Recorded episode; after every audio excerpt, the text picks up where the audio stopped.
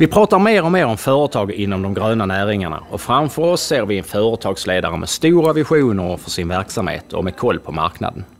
Stämmer den bilden på dagens lantbrukare? Eller är det bland den kommande generationen lantbrukare vi ser den nya entreprenörsandan som ligger utanför den konventionella produktionen?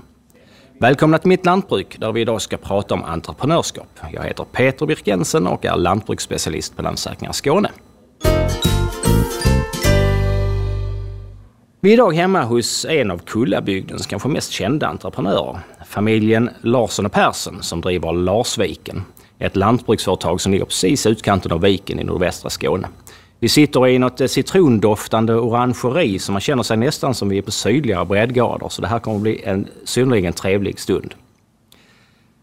Eh, företaget består idag av flera grenar. Potatisodling, eh, djuruppfödning, gårdsbutik och försäljning av sättpotatis och chipstillverkning, bland annat. Men det har inte alltid varit så.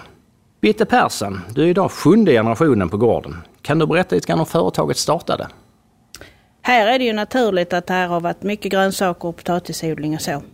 Så den röda tråden i vårt företag Larsviken det är ju potatis och vi brukar säga att potatis är vår passion och det har vi då utvecklat i olika delar genom att ha ett chipseri hemma på gården som är det senaste tillskottet eller i gårdsbutiken där vi säljer väldigt mycket olika sorters matpotatis. Vi säljer sättpotatis över hela landet och det är ju mycket tack vare den yngre generationen som har kommit in och hjälpt oss där med, med det här. Så att eh, Sen är en annan sak som är väldigt viktig för oss och som också är viktigt för hela samhället det är ju att man tänker i kretslopp och därför har vi även djur på gården så, så vi ska försöka hålla nollspel på, på alltihopa, att inte det blir några restprodukter eller någonting så utan allting tas tillvara. Ett väldigt, väldigt gammaldags sätt att tänka på och håller man på tillräckligt länge med det så blir det modernt igen. Så därför så är det extra roligt nu också att nästa generation som är på gång här och hjälper oss, de har ju ännu mer kretsloppstänk och eh, förståelse för biologisk mångfald och alltihopa det här som, som följer med. Alltså både du, din, bro, din bror och du och din make, de är fortfarande aktiva i företaget. Som du sa så är nu barnen tagit eh, plats i verksamheten. Eh, vad, vad har det betytt för, för eh, Lars Vikens utveckling förutom då kretsloppsbiten? Alltså vuxna barn är det ju för de börjar ja. ju faktiskt bli till åren de också. Svårt att tro men, men så är det ju. Men, eh, och de har ju valt redan tidigt i livet att, att liksom satsa på gröna näringarna. Så alla tre har ju bra utbildning på olika sätt. Eh, och det har ju varit glädjande för oss. Och man har väl haft tanken att ja, de kanske tycker att det är någonting att komma hem och, och, hjälpa till med. Sen är det ju inte sagt att det blir en fortsättning här utan det är någonting som vi får stöta och blöta framöver. För, för Bertil och jag som driver lantbruket eh, ihop då, vi har i alla fall en 10-15 år kvar där. Och Per och jag som driver gårdsbutik och försäljning med ihop, vi har kanske och det är kanske lättare att lämna över den biten med försäljningen. Men, men eh, just nu så är här tre stycken mycket aktiva yngre medarbetare som, som hjälper oss då. Och då är det ju sån kunskap som inte vi har fått naturligt med som marknadsföring och positionering och alla de här, nu är det mycket med sociala medier som ska tas om hand om och man kan liksom nå ut till nya kundgrupper där och så. Och det, det, det får vi ju liksom gratis. För vi har det inhouse nu. Liksom. Vi behöver inte tänka att vi ska ut och, och, och skaffa oss den kunskapen eller köpa oss det. Utan det kan vi då få gratis. Vi har med oss en av dina döttrar här i butiken, Katarina. Du har utbildat dig i trädgårdsvetenskap men du har även läst företagsekonomi. Hur vill du att Larsviken ska utvecklas? Förutom att du då ska sköta det digitala livet utanför, ja. Eh, utanför grindarna då. Ja, det är väl... Jag har väl ingen sådär eh, klar målbild så, utan det är någonting vi jobbar tillsammans fram. Liksom så. Men eh, fortsätta utveckla de enheterna vi har idag och sen vi är väl inte inne på något nytt spår utan bara vidareutveckla och förbättra det vi, vi har idag. Liksom. Vi kan väl säga det att, att generation 7 då, Bertil och jag, vi är fulla av idéer. Så generation 8 de har ju en diger uppgift liksom säga stopp, stopp, stopp, nu gör vi färdigt och tar tag i det vi redan håller på med innan vi går på en ny, ny grej. Så det är ju också skönt att liksom få lite kanske mothugg där så att inte man bara springer vidare och hittar på nya saker utan att vi eh, gör lite färdigt och liksom tar beslut vidare. Så att det, det här jobbas ju mycket tillsammans. Det är ju inte liksom varken order från ena hållet eller andra hållet utan det är ju tillsammans som, som gäller. Och sen kanske det vänder sen ändå att då är det ni som får säga stopp, stopp och sen är det nästa generation som springer på. Förhoppningsvis, Förhoppningsvis inte. Det, Lite för att det här med att springa på som vi har gjort det, det, det hamnar ju, eller handlar ju mycket om lönsamheten i svenskt lantbruk som är ju katastrofalt dålig om man tänker på primärproduktionen. Och där ser vi ju att det måste ju finnas en väl fungerande primärproduktion i hela Sverige om vi ska kunna förse oss själva med, med livsmedel. Som det, är, det handlar om ju. Sen att vi har valt att vidareförädla det till chips som är lite mer lyxprodukter och sån här sak. Det, det, det gör ju inte att inte primärproduktionen behövs. För, för vi måste ju också kunna köpa in insatsmedel till en hyfsat billig peng. Och då är vi väldigt beroende av att vi har kollegor runt om i hela Sverige som driver aktiva lantbruk och där det behövs reservdelar, diesel, gödning och allt annat som ska köpas in. Så att eh, vi hoppas ju att Katarina och Karin och Nils får många kollegor framöver i det åldersspannet. Vi har med oss ytterligare en gäst här i Viken och det är Eva-Marie Rellman som är företagsutvecklare på LRF Skåne. Eh, vad säger du, är Larsvik ett unikt skånskt jordbruksföretag eller finns det många bönder runt om i Skåne som håller på på detta sättet att pröva nya idéer och utveckla sin verksamhet? Så Larsviken har ju sin absoluta egna identitet och unikitet. Och jag skulle nog vilja säga att det är eh, fler eh, som också prövar på att ta större del av eh, förädlingsvärdet i hela kedjan så att säga. Jag skulle säga att vi har hela bredden, alltifrån de som är rena primärprocenter och väljer att lämna till de ekonomiska föreningarna, Lantmännen, Skånemejerier och så vidare. Men också de som vill förädla sin produkt själv. Så det finns inget företag som är likt det andra. Inför det här programmet pratar jag med Josefin Nybom. Hon är doktorand på SLU Alnarp och undersöker just lantbrukarnas syn på entreprenörskap. Hennes arbete startade med att hon skickade ut formulär till lantbrukarna där de fick svara på frågor om företagsamhet och entreprenörskap. Vi har hittat tre olika kluster av lantbruksföretagare eh, och de är helt oberoende av vilken vad ska man säga, inriktning du har, produktionsinriktning du har. Eh, och de ser lite olika på det här med företagsledning eh, och eh, vad ska man säga, man får olika viktning på olika egenskaper så att säga. Vilka tre kluster är det du, du så i, i entreprenörskapet? Ja, de här tre, vad ska man säga, det är ju egentligen företagsledning med då, att du, det används ju som en, vad ska man säga, helhetsbenämning på där entreprenörskapet ingår då. Men här kan man ju se att de som uppfattar då att man, de har fått säga, de har ju, vad ska jag säga, fått uppskatta sin prestation med hur de jobbar mot mål och så vidare och hur deras eh, budgetar har fallit ut och så vidare. Och även hur de ser på sin konkurrensmässighet.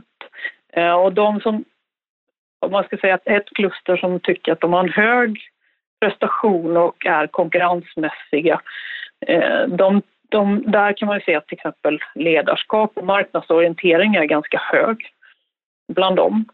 Eh, det finns ett annat kluster där, man, där det finns, vi hittar ganska mycket större enheter där man kanske inte tycker att man, man är så där konkurrensmässig men här hamnar ju också entreprenörskapet väldigt lågt. Man vet inte riktigt hur man ska förhålla sig men här blir en lärandeprocess otroligt viktig och det kanske man ser om man tittar på Alltså, säga, större enheter. Där måste man ju hela tiden ha en intelligensspridning i hela företaget för att det ska funka. Sen har vi ju, jag vet inte riktigt vad man ska kalla dem för det är inte säkert att det här är negativt men de har en väldigt, vad ska jag säga, mycket minus på sin post. Och vi, I normala vad ska man säga, företagsekonomiska eh, termer kan man kalla dem stuck in the middle.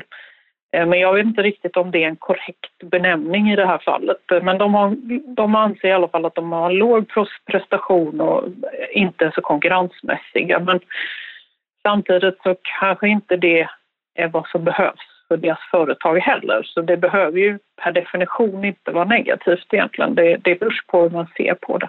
Och det vet vi ju inte för vi har inte gjort några djupintervjuer här utan det här är ju bara vad ska jag säga, kvantitativ forskning där man inte frågar så mycket utan man får svar mm, för grova inriktningar som sådant. Så egentligen kan man säga att ja. ja den skiljer sig inte mellan en lantbrukare och någon annan eh, lantbruksentreprenör och någon annan entreprenör egentligen, utan det är personligheten mer som styr det som, som sådant. Det är ju inte, du sa att det var, var inte speciellt mjölk eller det var inte speciellt växtodling, utan det är mer Nej. personligheten som styr och entreprenör, var entreprenörerna finns.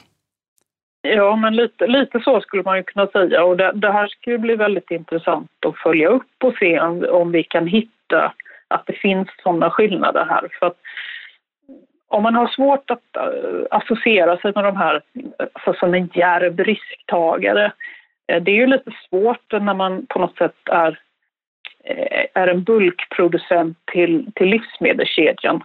Eh, och man producerar liksom en homogen produkt för att någon annan ska förädla den och då blir det ganska svårt att se sig själv som en entreprenör i, i den bemärkelsen. Men å andra sidan så kan man ju säga att det är kanske de som är, håller på mycket med nischprodukter inom lantbruket, att det är där vi ser de som går utanför oligopolet så att säga. Man, man går ut utanför den här marknaden som finns och hittar egna vägar. Man kanske det finns ju de som gör, har egna slakterier, mindre mejerier och sånt här. Och det, det, är ju lite, där har vi ett annat tänk. Man vill inte bara producera någonting mycket och stort. Vad tror du konsekvenserna blir om inte alltså, lantbruksföretagaren eh, tänker mer eh, företags och marknadsmässigt eh, på, på sitt företag? Om vi till exempel gör ett antagande att lantbruksföretagen fortsätter växa de, och de blir färre men större Eh, då, då kan vi ju se att framöver så kommer det ju, eller redan nu egentligen, när det har, det har ju redan rört sig ganska mycket åt det över de sista decenniet och, och då kommer vi kräva helt andra kompetenser som eh, är mer immateriella så att säga och det är ledarskap, organisation, intelligensspridning, personalfrågor och sånt. Men även kommunikation kommer ju bli otroligt viktigt. Hur kommunicerar vi med omvärlden? Eh, och, och, det ser man ju, för jag tror inte att sociala medier kommer försvinna över natt. Eh, men hur på något sätt kommunicerar vi med konsumenter? Hur utnyttjar vi bäst den här digitaliseringsprocessen till exempel? Eh, hur vi ska bli en del av den cirkulära ekonomin. Eh, och om vi tittar på det sistnämnda med cirkulära ekonomin till exempel så, så handlar det väldigt mycket om värderingar, attityder och beteende. Eh, och då är frågan hur lantbruket då ska följa konsumentens beteende Eh, vilka attityder konsumenten har till storskaligt lantbruk eh, och hur lantbruksföretagaren kan vara med och förändra attityder mot olika livsmedel. Vad säger du, Eva-Marie Rellman från LRF? Har lantbrukare svårt att se sig som företagsledare? Eh, jag tror det handlar lite grann om storlek på företaget. Vi har och blir fler och fler lite större företagare. Och de är generellt duktiga på att se sig som företagsledare. Och eh, dessutom har vi eh, nu tillsammans med Handelshögskolan tagit fram en utbildning just för, i företagsledning och management som vi startar i höst. kommer att bli första omgången som vi kör. Som LRF då har... Eh, tillsammans ja. med Handelshögskolan eh, Gröna arbetsgivare som mm. de numera heter. Eh, tagit fram just för företag som vill växa. Vad spännande. Ja. Och det handlar väldigt mycket om managementfrågorna mm. och företagsledarfrågorna. Inte bara de rena produktionsfokuset. Nej. Större och större företag också menar du som behöver tänka på både sin personal och eh, alla möjliga bitar? Här. Ja, alla mm. möjliga bitar och där är ju en sån enkel sak som när vi i vår, våra näringar pratar om SAM, då tror vi att det är SAM-ansökan till Länsstyrelsen. Det är, kan också vara systematiskt arbetsmiljöarbete som också ligger i företagsledningen. Eh, så det är mer fokus på ledarskapet, företagsledning, arbetsmiljö och de delarna. Jättespännande. Mm. Ehm, krävs det idag att man har mer företagsmässig syn på företaget eller går det bra att köra på som man har, har gjort eh, tidigare och producera raps och grisar eller ägg för de stora inköpsorganisationerna? Vad, vad anser du eh, Eva-Marie? Mm. Eh, jag tycker det är alldeles nödvändigt att man blir mycket mer företagare än vad man kanske tidigare har varit. Eh, av olika anledningar. Du måste liksom äga hela företaget så att säga eh, i kunskap om eh, hur din ekonomi ser ut och var du vill växa och vad du har för mål. Sätta mål och visioner för ditt företagande. Och också om du behöver eh, kapital till ditt företag så räcker det inte att bara bra, ha en bra bankkontakt. Utan du måste vara, eh, kunna göra en affärsplan och presentera den för banken. Eh, och bankerna hjälper också gärna till med en genomlysning av hela företaget för att se om det här är möjligt. Så att man måste ta en helt annan kontroll över sitt företag och känna marknaden. Vem är min kund? Eller vem är min kunds kund? Eh, så att det kräver, ställer helt nya krav på, på morgondagens företagare. Om Vi då pratar om marknaden, hur gör ni här på Larsviken? Hur har ni koll på marknaden eh, Katarina? Hur, eh, hur känner ni av den? Eller det är vad kunderna efterfrågar? Ja. Eller? ja, nu säljer vi ju direkt till ja. Eh, kunder. Alltså och det både, är er marknad? Precis. Ja. Eh, så att vi har ju ganska nära kontakt med kunderna. Dels eh, om man kommer till gårdsbutiken så har man ju direkt kontakt med privatkunderna. Och jag då som har hand om sättpotatisen, jag pratar ju direkt med återförsäljare och liksom stämmer av hur gick förra säsongen och vad har era kunder efterfrågat och hela sådär. Så vi försöker ju ha en dialog oavsett om det är grossister eller återförsäljare eller eh, privatkunder då som kommer till eh, gårdsbutiken eller handlar i nätbutiken eller sådär. Så försöker man ju liksom ha en dialog med dem. Får ni ofta eh, förfrågningar, eh, varför har ni inte detta till exempel? Och sen sitter ni och funderar på kvällen där hemma och säger att det kanske vi skulle ta upp eller nej det blir alldeles för liten volym, det är inte lönt eller? Eh. Ja, det, man kan ju få sådana här i gårdsbutiken. Sen mm. på sättpotatisen så har vi ju sett att det här med ekologiskt, det har ju ökat enormt. Att det ska vara ekocertifierat utsäde, inte bara godkänt för ekoodling.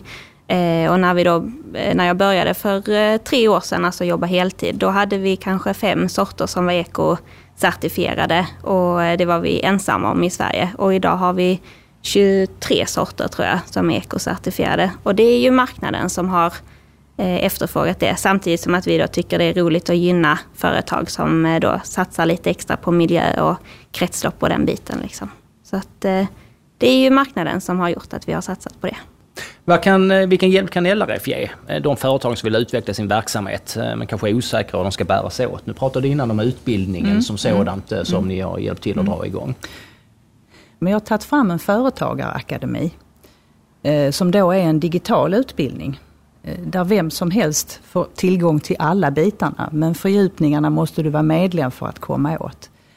Och det handlar om exempelvis omvärldsbevakning, det handlar om försäljning, ledarskap, affärsmannaskap, målstyrning, eh, olika delar. Som tanken eh, var från början att man skulle kunna använda tid som man egentligen inte har. Det finns ett antal poddar som man kan lyssna på när man sitter i traktorn och så vidare.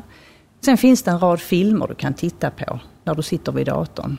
Och varje avsnitt har då ett antal pdf-filer som du sen kan ladda ner och lägga in dina egna siffror i. Så det är ett sätt som vi jobbar med med våra företagare. Lotsning, hur de ska lotsning. hitta hjälp. Ja, precis. Vi sitter på ett ganska stort nätverk. Så det kan ju vara allt ifrån en eh, bankkontakt eller till någon som man kanske söker ett samarbete med, en annan producent eller vad det nu är. Vi har ju ett brett nätverk. Eh, så det är väl det vi främst jobbar med. För många unga lantbrukare är det nästan omöjligt att ens starta arbetet med att utveckla ett företag. En undersökning som Länsstyrelsen Skåne gjort tillsammans med LRF Ungdom visar att en ung lantbrukare som vill starta en verksamhet idag behöver mellan 2 och 5 miljoner för att komma igång. Um, Eva-Marie, hur, hur, gör man det lättare för unga människor som vill satsa i den gröna näringen? Mm. Eh, där vi, har vi väl också tagit fram ett eh, antal olika om nu ska säga dokument eller vi har tittat på vilka möjligheter som finns. Och det kan ju vara allt ifrån att man kommer in som arrendator eller delägare i ett företag och som man sen har en plan att ta över efter ett visst antal år. Eh, det kan också vara genom samarbete. Eh, att flera går ihop om att köpa ett företag, man samarbetar tillsammans. Och vi har också tittat på eh, olika finansieringsmöjligheter för att kunna, komma, kunna köpa en, eh, en gård helt enkelt. Eh, och det kan vara crowdfunding eller ja, vilka modeller som nu finns så att säga och tillgång på, på eh, riskkapital. Jag vill i det här sammanhanget påminna om våra ägarskiftesträffar som vi arrangerar i höst. Den 6 november är vi på Länsförsäkringar i Ystad och den 7 november i Alnarp och den 8 november på Sundstorget i Helsingborg. Mer information om träffarna och hur man anmäler sig hittar ni på www.lansforsakringar.se skane event. Men tillbaka till Larsviken. Om ni ser tio år fram i tiden, vad tror ni har hänt på gården fram till dess? Vad tror du Katarina? Ja, förhoppningsvis så har vi väl fortsatt utvecklas och finns fortfarande kvar. Liksom. På bara dessa tre åren så har vi ju utvecklats eh, enormt. Så jag tror det ser ljust ut, hoppas jag. Vad säger du Bitte, har du någon tanke? Ja, vi, det gäller ju att förankra det som vi har byggt upp nu här och få riktig lönsamhet i de olika delarna. Sen är här ju önskemål då om att vidareutveckla vissa delar så att eh, det får vi väl ha lite brainstorming om och se vem som skriker högast mm. eller eh, hur vi nu ska komma fram till vad vi... Grunden i allt det här det är ju att vi ska ha roligt på jobbet och då ska vi göra sådana saker som vi trivs med. Och jag kan ju säga, jag har tre stycken ungdomar som säger att stå och göra chips, det är ingenting någon av dem eh, brinner för. Men eh, här är två då som i alla fall gärna vill vara aktiva lantbrukare och Katarina sköter sättpotatisförsäljning och allt kring det helt ypperligt. Så att här finns ju liksom olika bitar att välja på så får vi väl försöka bygga upp en, en struktur här så att eh, man kan få in medarbetare som då drar åt rätt håll och som, som gör de här andra sakerna som inte vi själva hinner eller tycker är allra roligast. Och det är bättre att vi hittar någon annan som tycker det är riktigt roligt att göra chips. Och vi har ju ett par fantastiska medarbetare ute i chipseriet nu och vi hoppas ju att de vill stanna hos oss länge och att där kanske kommer någon till och vill jobba där. Då önskar jag lycka till och säger tack till Katarina och Bitte Persson för att vi fick besöka er. Eh, tack även till Eva-Marie Rellman från LRF Skåne. Tackar. Mm. Ni hör eh, Mitt lantbruk genom en månad och till dess kan ni lyssna på tidigare avsnitt. Jag vill särskilt rekommendera det som handlar om ägarskifte.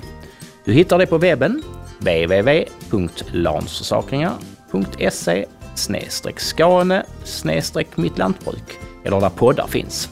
Jag heter Peter Birk Jensen. På återhörande.